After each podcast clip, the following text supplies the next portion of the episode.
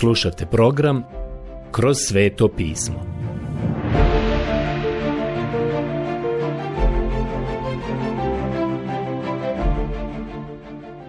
Knjiga Izlazak. Odlomak Izlazak, poglavlje 26 od 14. stiha do poglavlja 27 21. stiha. Prijatelji, prošli put smo bili u 26. poglavlju knjige Izlaska i spomenuo sam da su preko šatora sastanka zapravo bila četiri pokrivača. Pomenuli smo ta četiri pokrova koja su išla preko vrha samog šatora sastanka. Danas ću to samo kratko obraditi. Prvi pokrivač je bio od lana, od onog finog egipatskog lana, a na njemu su bili izvezeni kerubini i on nije dodirivao zemlju. Pokazivao je ljepotu samo iznutra. Vani se to nije moglo vidjeti. Iskreno govoreći, Kristovu ljepotu svijet i ne može vidjeti. On može zadovoljiti samo one koji su njegovi. I to je razlog zašto je štovanje njega toliko važno i zašto bi se vjernici trebali okupljati. Ne samo zbog toga da se hrane Kristom, već da ga mogu gledati u njegovoj ljepoti. Sjetite se da je on rekao da i vi budete gdje sam ja. Evanđelje po Ivanu 14.3 on želi da budemo sa njim. I danas trebamo biti sa njim, to jest u našem štovanju njega i gledajući njegovu ljepotu. David je u 17. psalmu napisao sljedeće. Čuvaj me kao zjenicu oka, sakri me u sjenu svojih krila.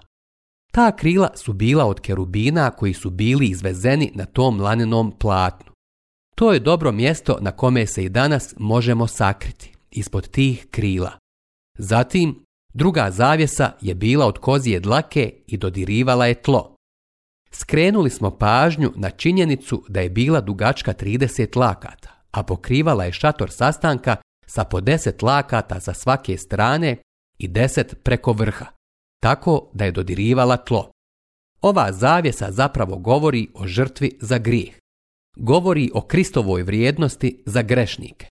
Kozija dlaka se zapravo vidjela izvana bilo je to zaista ono što svijet može vidjeti i što može da govori o Kristovoj smrti. Zapravo, ovo je poruka koju treba prenijeti svijetu. Čitamo u poslanici Hebrejima u devetom poglavlju u 26. stihu sljedeće. Inače bi on morao mnogo puta trpjeti od postanka svijeta.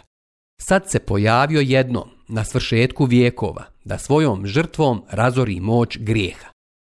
On se pojavio. Ovo je poruka koja treba da se širi. Ovo je poruka ove zavjese napravljene od kozije dlake. Zatim imate treću zavjesu koja je bila ovnujska koža obojena u crveno. Govori o Kristovoj sili i o snazi i o njegovoj žrtvi. Ovo su vanjski aspekti njegove žrtve jer je on naša zamjena. Četvrta zavjesa je bila napravljena od kože tuljana i nakon 40 godina u pustinji. Pokvarilo ih je vrijeme, ali uvijek su štitile ono što je bilo unutra. Ovo govori o Kristovom hodu pred ljudima. Malo prije smo rekli da kada je u pitanju laneni pokrivač, onda morate ući unutra da biste vidjeli njegovu ljepotu.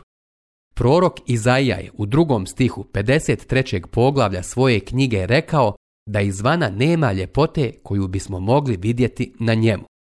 Nema obličja na njemu, nema ljepote da bismo ga gledali i nema izgleda da bismo našli ugodnosti na njemu.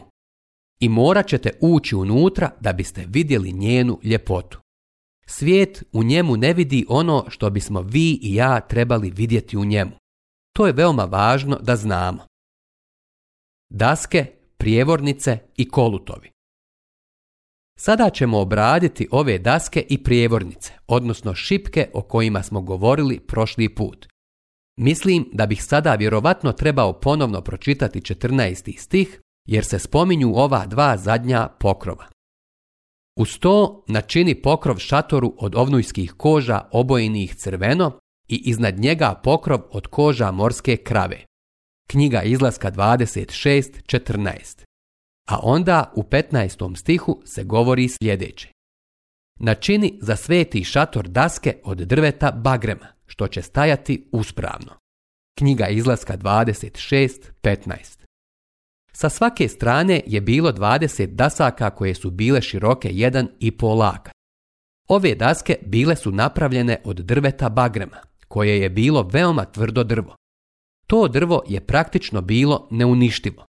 Te daske te drvene ploče su bile prekrivene zlatom. Bilo ih je dakle 20 sa svake strane, a 10 od pozadi. I naravno, bilo je određenog preklapanja. I to je zapravo predstavljalo sami šator sastanka. Postojale su određene šipke koje su se spuštale uz daske koje su ih držale zajedno jer je u svaku od tih dasaka stavljen po jedan prsten kroz koji je šipka prolazila. Tako da kada su te daske postavljene, jedna šipka bi samo prošla kroz njih. Bile su tri prečke i jedna od njih je bila središnja. Kao što možete vidjeti, to bi držalo šator sastanka zajedno.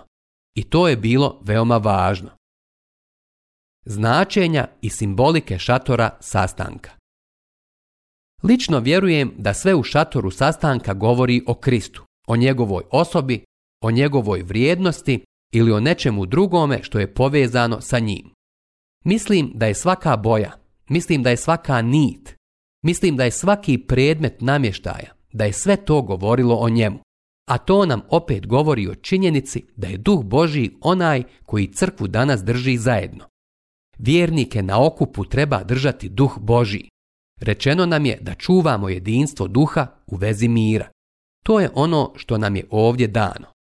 Možemo to da vidimo u ovim pokrovima ili zavjesama koje smo spominjali. Ja nisam obratio posebnu pažnju na to, ali stvarno su bile četiri različite boje. Bila je tu plava, nebeska boja, a zatim grimizna, boja krvi, pa ljubičasta i to je bio spoj tog dvoga što govori o kraljevskoj porodici. Nebeska boja i krv.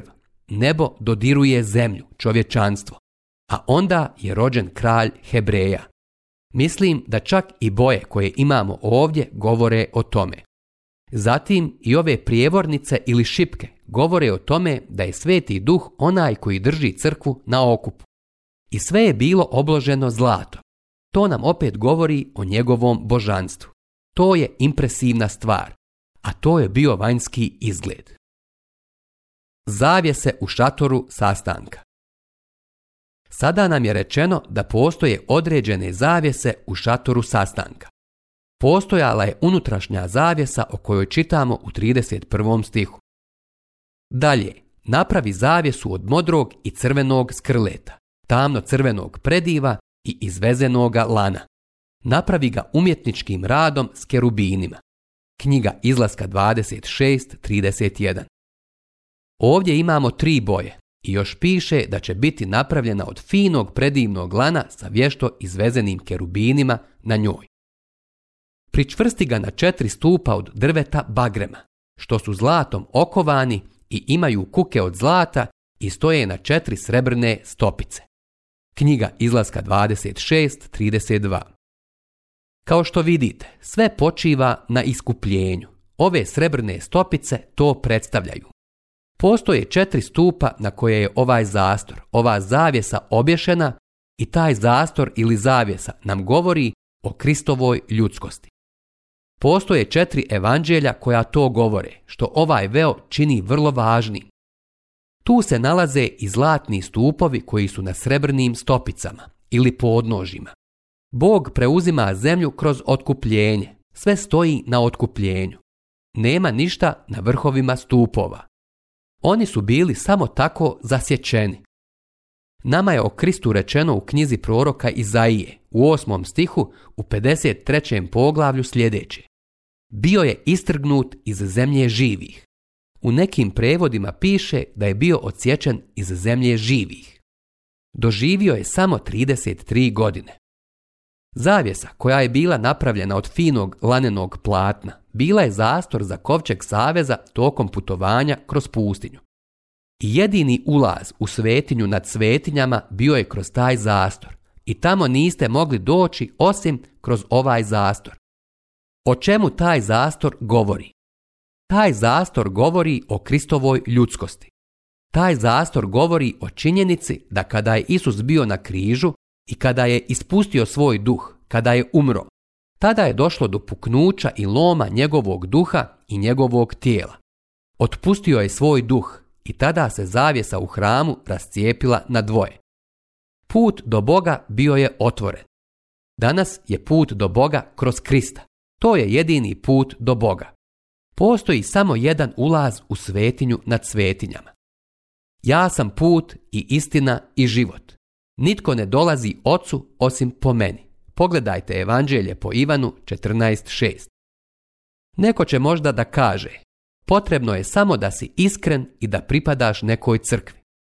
Prijatelji, zar neko zaista vjeruje u tako nešto? To ne možete pronaći u Božjoj riječi.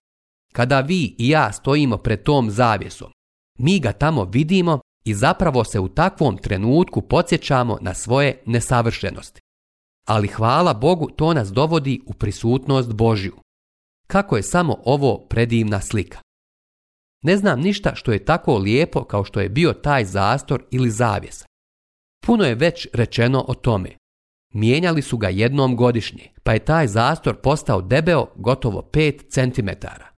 Jednom su vezali divlje konje za jedan takav zastor, ne bi ga izvukli van. Bio je tamo godinu dana. Pokušali su ga pocijepati na dva dijela, ali nisu mogli.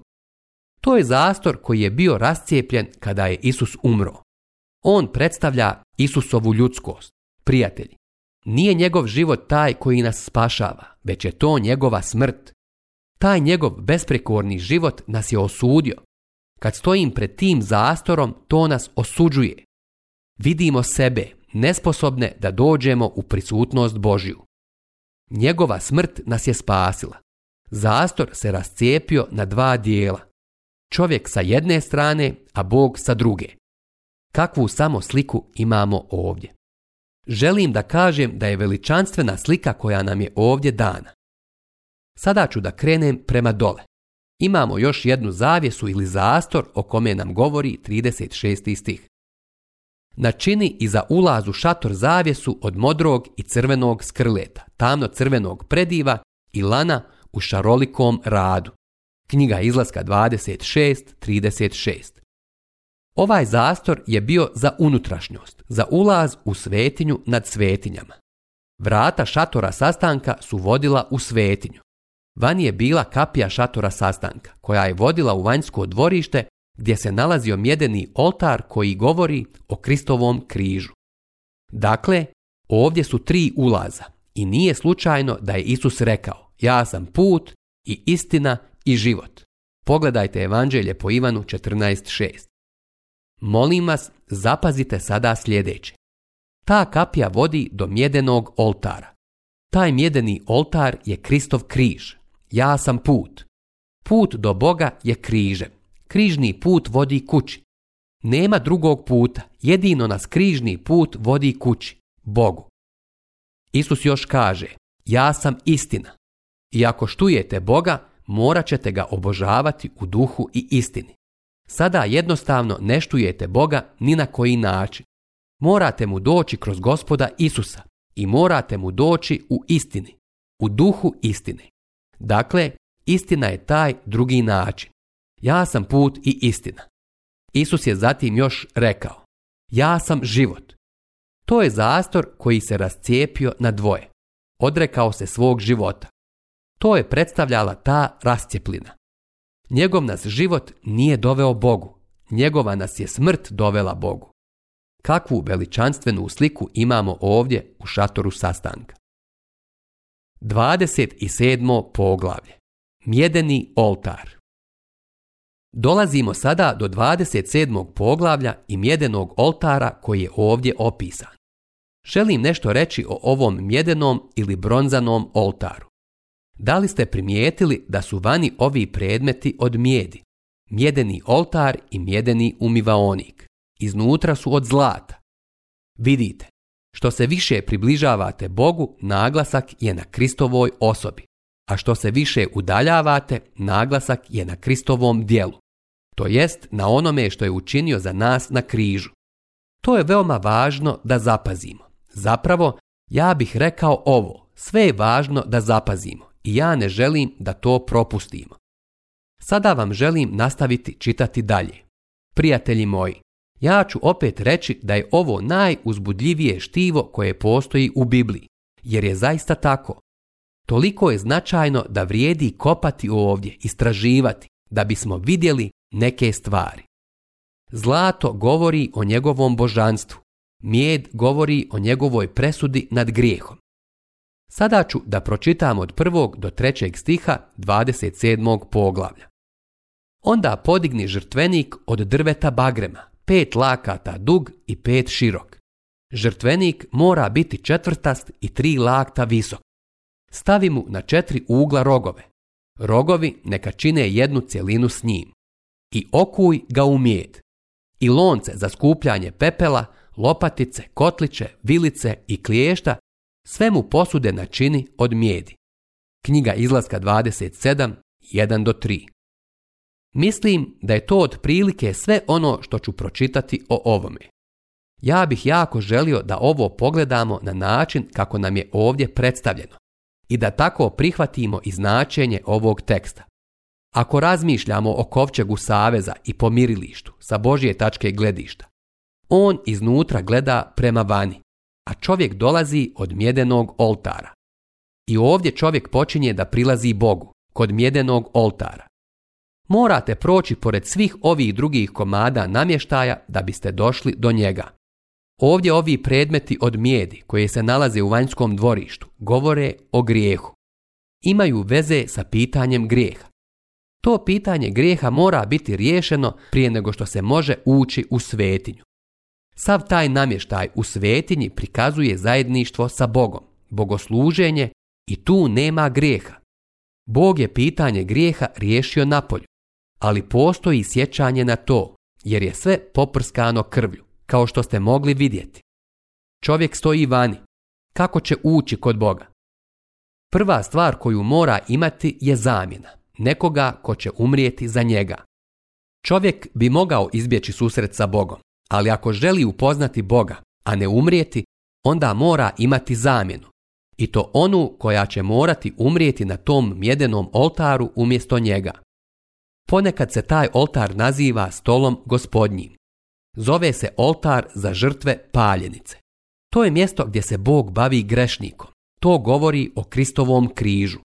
Govori o tome da je on zapravo onaj koji je umro umjesto nas i za nas.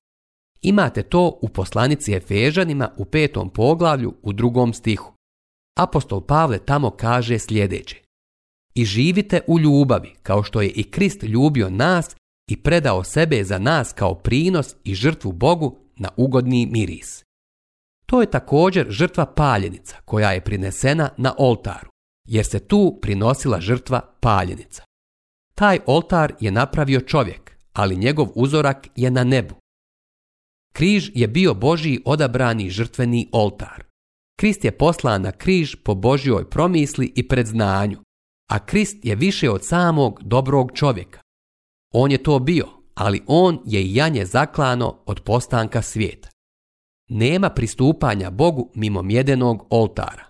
Morate tamo dovesti ili donijeti žrtvu da bude žrtvovana. I to mora biti zamjena umjesto vas. Kada je Ivan Krstitelj rekao u Evanđelju po Ivanu, 29. poglavlje, prvi stih, Evo jaganjca Božijeg, to se odnosilo na Krista koji odnosi grijeh svijeta. To je ono što je Isus učinio za nas na mjedenom oltaru. Križ je postao oltar u ona posljednja tri sata kada se tama spustila. Tada je Isus platio za grijehe svijeta, a nama je rečeno sljedeće. A svima koji ga primiše dade moć da budu djeca Božja, onima koji vjeruju u ime njegovo, koji ne čine ništa više ni manje nego jednostavno vjeruju u njegovo ime. Pogledajte Evanđelje po Ivanu 1.12. Čovjek nije mogao štovati Boga, nije se mogao moliti i nije mogao služiti Bogu sve dok nije došao do mjedenog žrtvenika. Tamo je morao doći svaki sveštenik. Svaki levit je morao doći tamo. Prijatelji, dozvolite mi da ponovo kažem i da vas podsjetim da križni put vodi kući Bogu. Nema drugog puta osim križnog puta koji vodi kući, Bogu. Da on nije išao putem do mjedenog oltara, vi i ja ne bismo uopšte mogli imati pristup Bogu. Isus nije samo janje koje je umrlo za nas. On je uskrslo janje. Ivan kaže u knjizi Otkrivenja u šestom stihu petog poglavlja da je vidio janje koje je bilo zaklano. Ovaj oltar je stajao na ulazu u šatoru sastanka a Kristov križ tako stoji na ulazu u nebo. Bio je podignut na ovoj zemlji, ali danas nema ulaska u nebo osim putem ovog križa. Mjed koja je bila tamo, kao što smo rekli, govori o presudi. Bagremovo drvo i mjed govore o njegovoj snazi da podnese žrtvu, a i rogovi na oltaru govore o snazi. To je četvoruga onog oblika, odnosno dugo je onoliko koliko je i široko, i govori o tome da je to mjesto gdje su svi jednaki. Danas govorimo o tome da su svi ljudi stvoreni jednaki. Usput da kažem, ne slažem se sa tom izjavom. Prijatelj, nisu svi stvoreni jednaki, ali sigurno su svi jednaki kada dođu pred Boga. Moraš doći kao grešnik, takav moraš doći do križa. Zapazit ćete da je visina ovog mjedenog oltara ista kao i pomirilišta milost i pravda su jednaki. Bog nije jednostran. Kada vas spasi, tu onda nema puno sentimentalnosti. Kazna je plaćena, a milost dolazi dole na vas i zadovoljava vaše potrebe. Bog je bogat milosrđem tako da možete doći k njemu. Ovo je zapravo slika Kristovog križa. A onda imate vješanje ovdje za vrata dvora. Imali smo druga dva vješanja i ovdje u stihu 16 rečeno nam je Ulaz u dvorište neka ima zavjesu 20 lakata dugu. Kao što vidite, bila je veoma široka. Od modrog i crvenog skrleta, tamno crvenog prediva i lana s umjetnim vezivom u 104 stupa s četiri njihove stopice. Od modrog i crvenog skrleta, tamno crvenog prediva. Sve ovo govori o Isusu Modro ili plavo je nebeska boja, a on je došao s neba.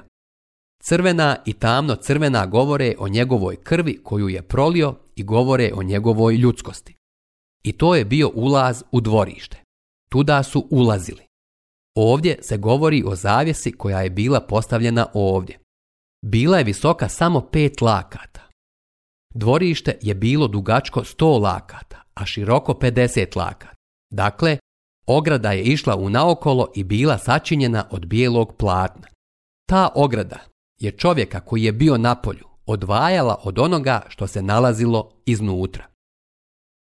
Ulje za lampu Ono što nam je nakon toga opisano je nešto što je veoma zanimljivo i čime se završava ovo poglavlje. Ulje za lampu. Neobično je to što se taj opis nalazi baš ovdje, zapisano je u 20. stihu sljedeće. Zapovijedi sinovima Izraelovim da ti donose čistog ulja od stučenih maslina za svječnjak, da bi svjetiljke mogle neprestano gorjeti. Knjiga izlaska 27.20 Kao što smo rekli, ovo ulje govori o duhu svetom. To je tumačenje koje je o ovom svječnjaku dao prorok Zaharija u šestom stihu četvrtog poglavlja svoje knjige. Ne vojnom moći niti silom, nego mojim duhom, veli gospodin nad vojskama. Kao što znate i kao što možete i ovdje da vidite, svjetlo je ono što nam daje duh sveti, a duh sveti neće govoriti samo o sebi. On uzima Kristove stvari i pokazuje nam ih. Sada ćemo pročitati 21. stih. U šatoru svjedočanstva izvan zavjese, što je pred kovčegom sa zakonom, neka ga Govorimo o svječnjaku, neka ga opremaju Aron i njegovi sinovi, da gori od večeri do jutra pred gospodinom. Taj zakon neka ima vječnu valjanost za sinove Izraelove od koljena do koljena. Knjiga izlaska 27.21 Kao što vidite, to svjetlo je gorjelo i ono govori o Kristu. Sada se sve to promijenilo. Isus se vratio na nebo, a prije toga je rekao vi ste svjetlost svijetu. Evanđelje po Mateju 5.14 Vi i ja ne proizvodimo niti stvaramo puno svjetla. Samo nas duh Božji može koristiti u tom smislu. Mi vidimo Krista u knjizi otkrivenja i prva njegova slika koju možemo vidjeti tamo je kako hoda usred svječnjaka. Pokušava održati tog svjedoka upaljenim i živim ovdje dole na ovoj zemlji. On i danas ima posla, kada to kažem, mislim da ima posla sa svojom crkvom i vjernicima. Mislim da nam je svima jasno i očigledno da se Isus bavi onima koji su njegovi i da još uvijek ima posla sa nama. Vjerovatno ste zapazili da se još nismo pozabavili niti jednim komadom namještaja. To smo izostavili. Jedan od tih komada namještaja je oltar za tamjan ili žrtvenik za kađenje ali o tome ćemo govoriti kada pređemo na 30. poglavlje. Veliko poglavlje koje govori o štovanju i bogosluženju. I saznaćete tada ko može štovati Boga i učestvovati u bogosluženju. Ako se namjeravate klanjati Bogu, morat ćete doći pred ovaj oltar. Oh da, zaboravio sam. Postoji još jedan komad namještaja koji nismo pomenuli, a on također ima veze sa bogosluženjem i kraj njega se moralo proći, a to je bio mjedeni umivaonik. Morate se oprati i očistiti da biste štovali Boga. Ne možete samo da prođete pored mjedenog oltara kako biste primili Krista kao spasitelja. Naravno, prvo je neophodno da dođete kao grešnik, primiti ga kao spasitelja, ali zatim morate biti oprani i očišćeni, a samo duh Božji to može učiniti. Tek tada vam je dozvoljeno da uđete unutra i da ga obožavate. Kakvu sliku imamo ovdje u ovom odjeljku?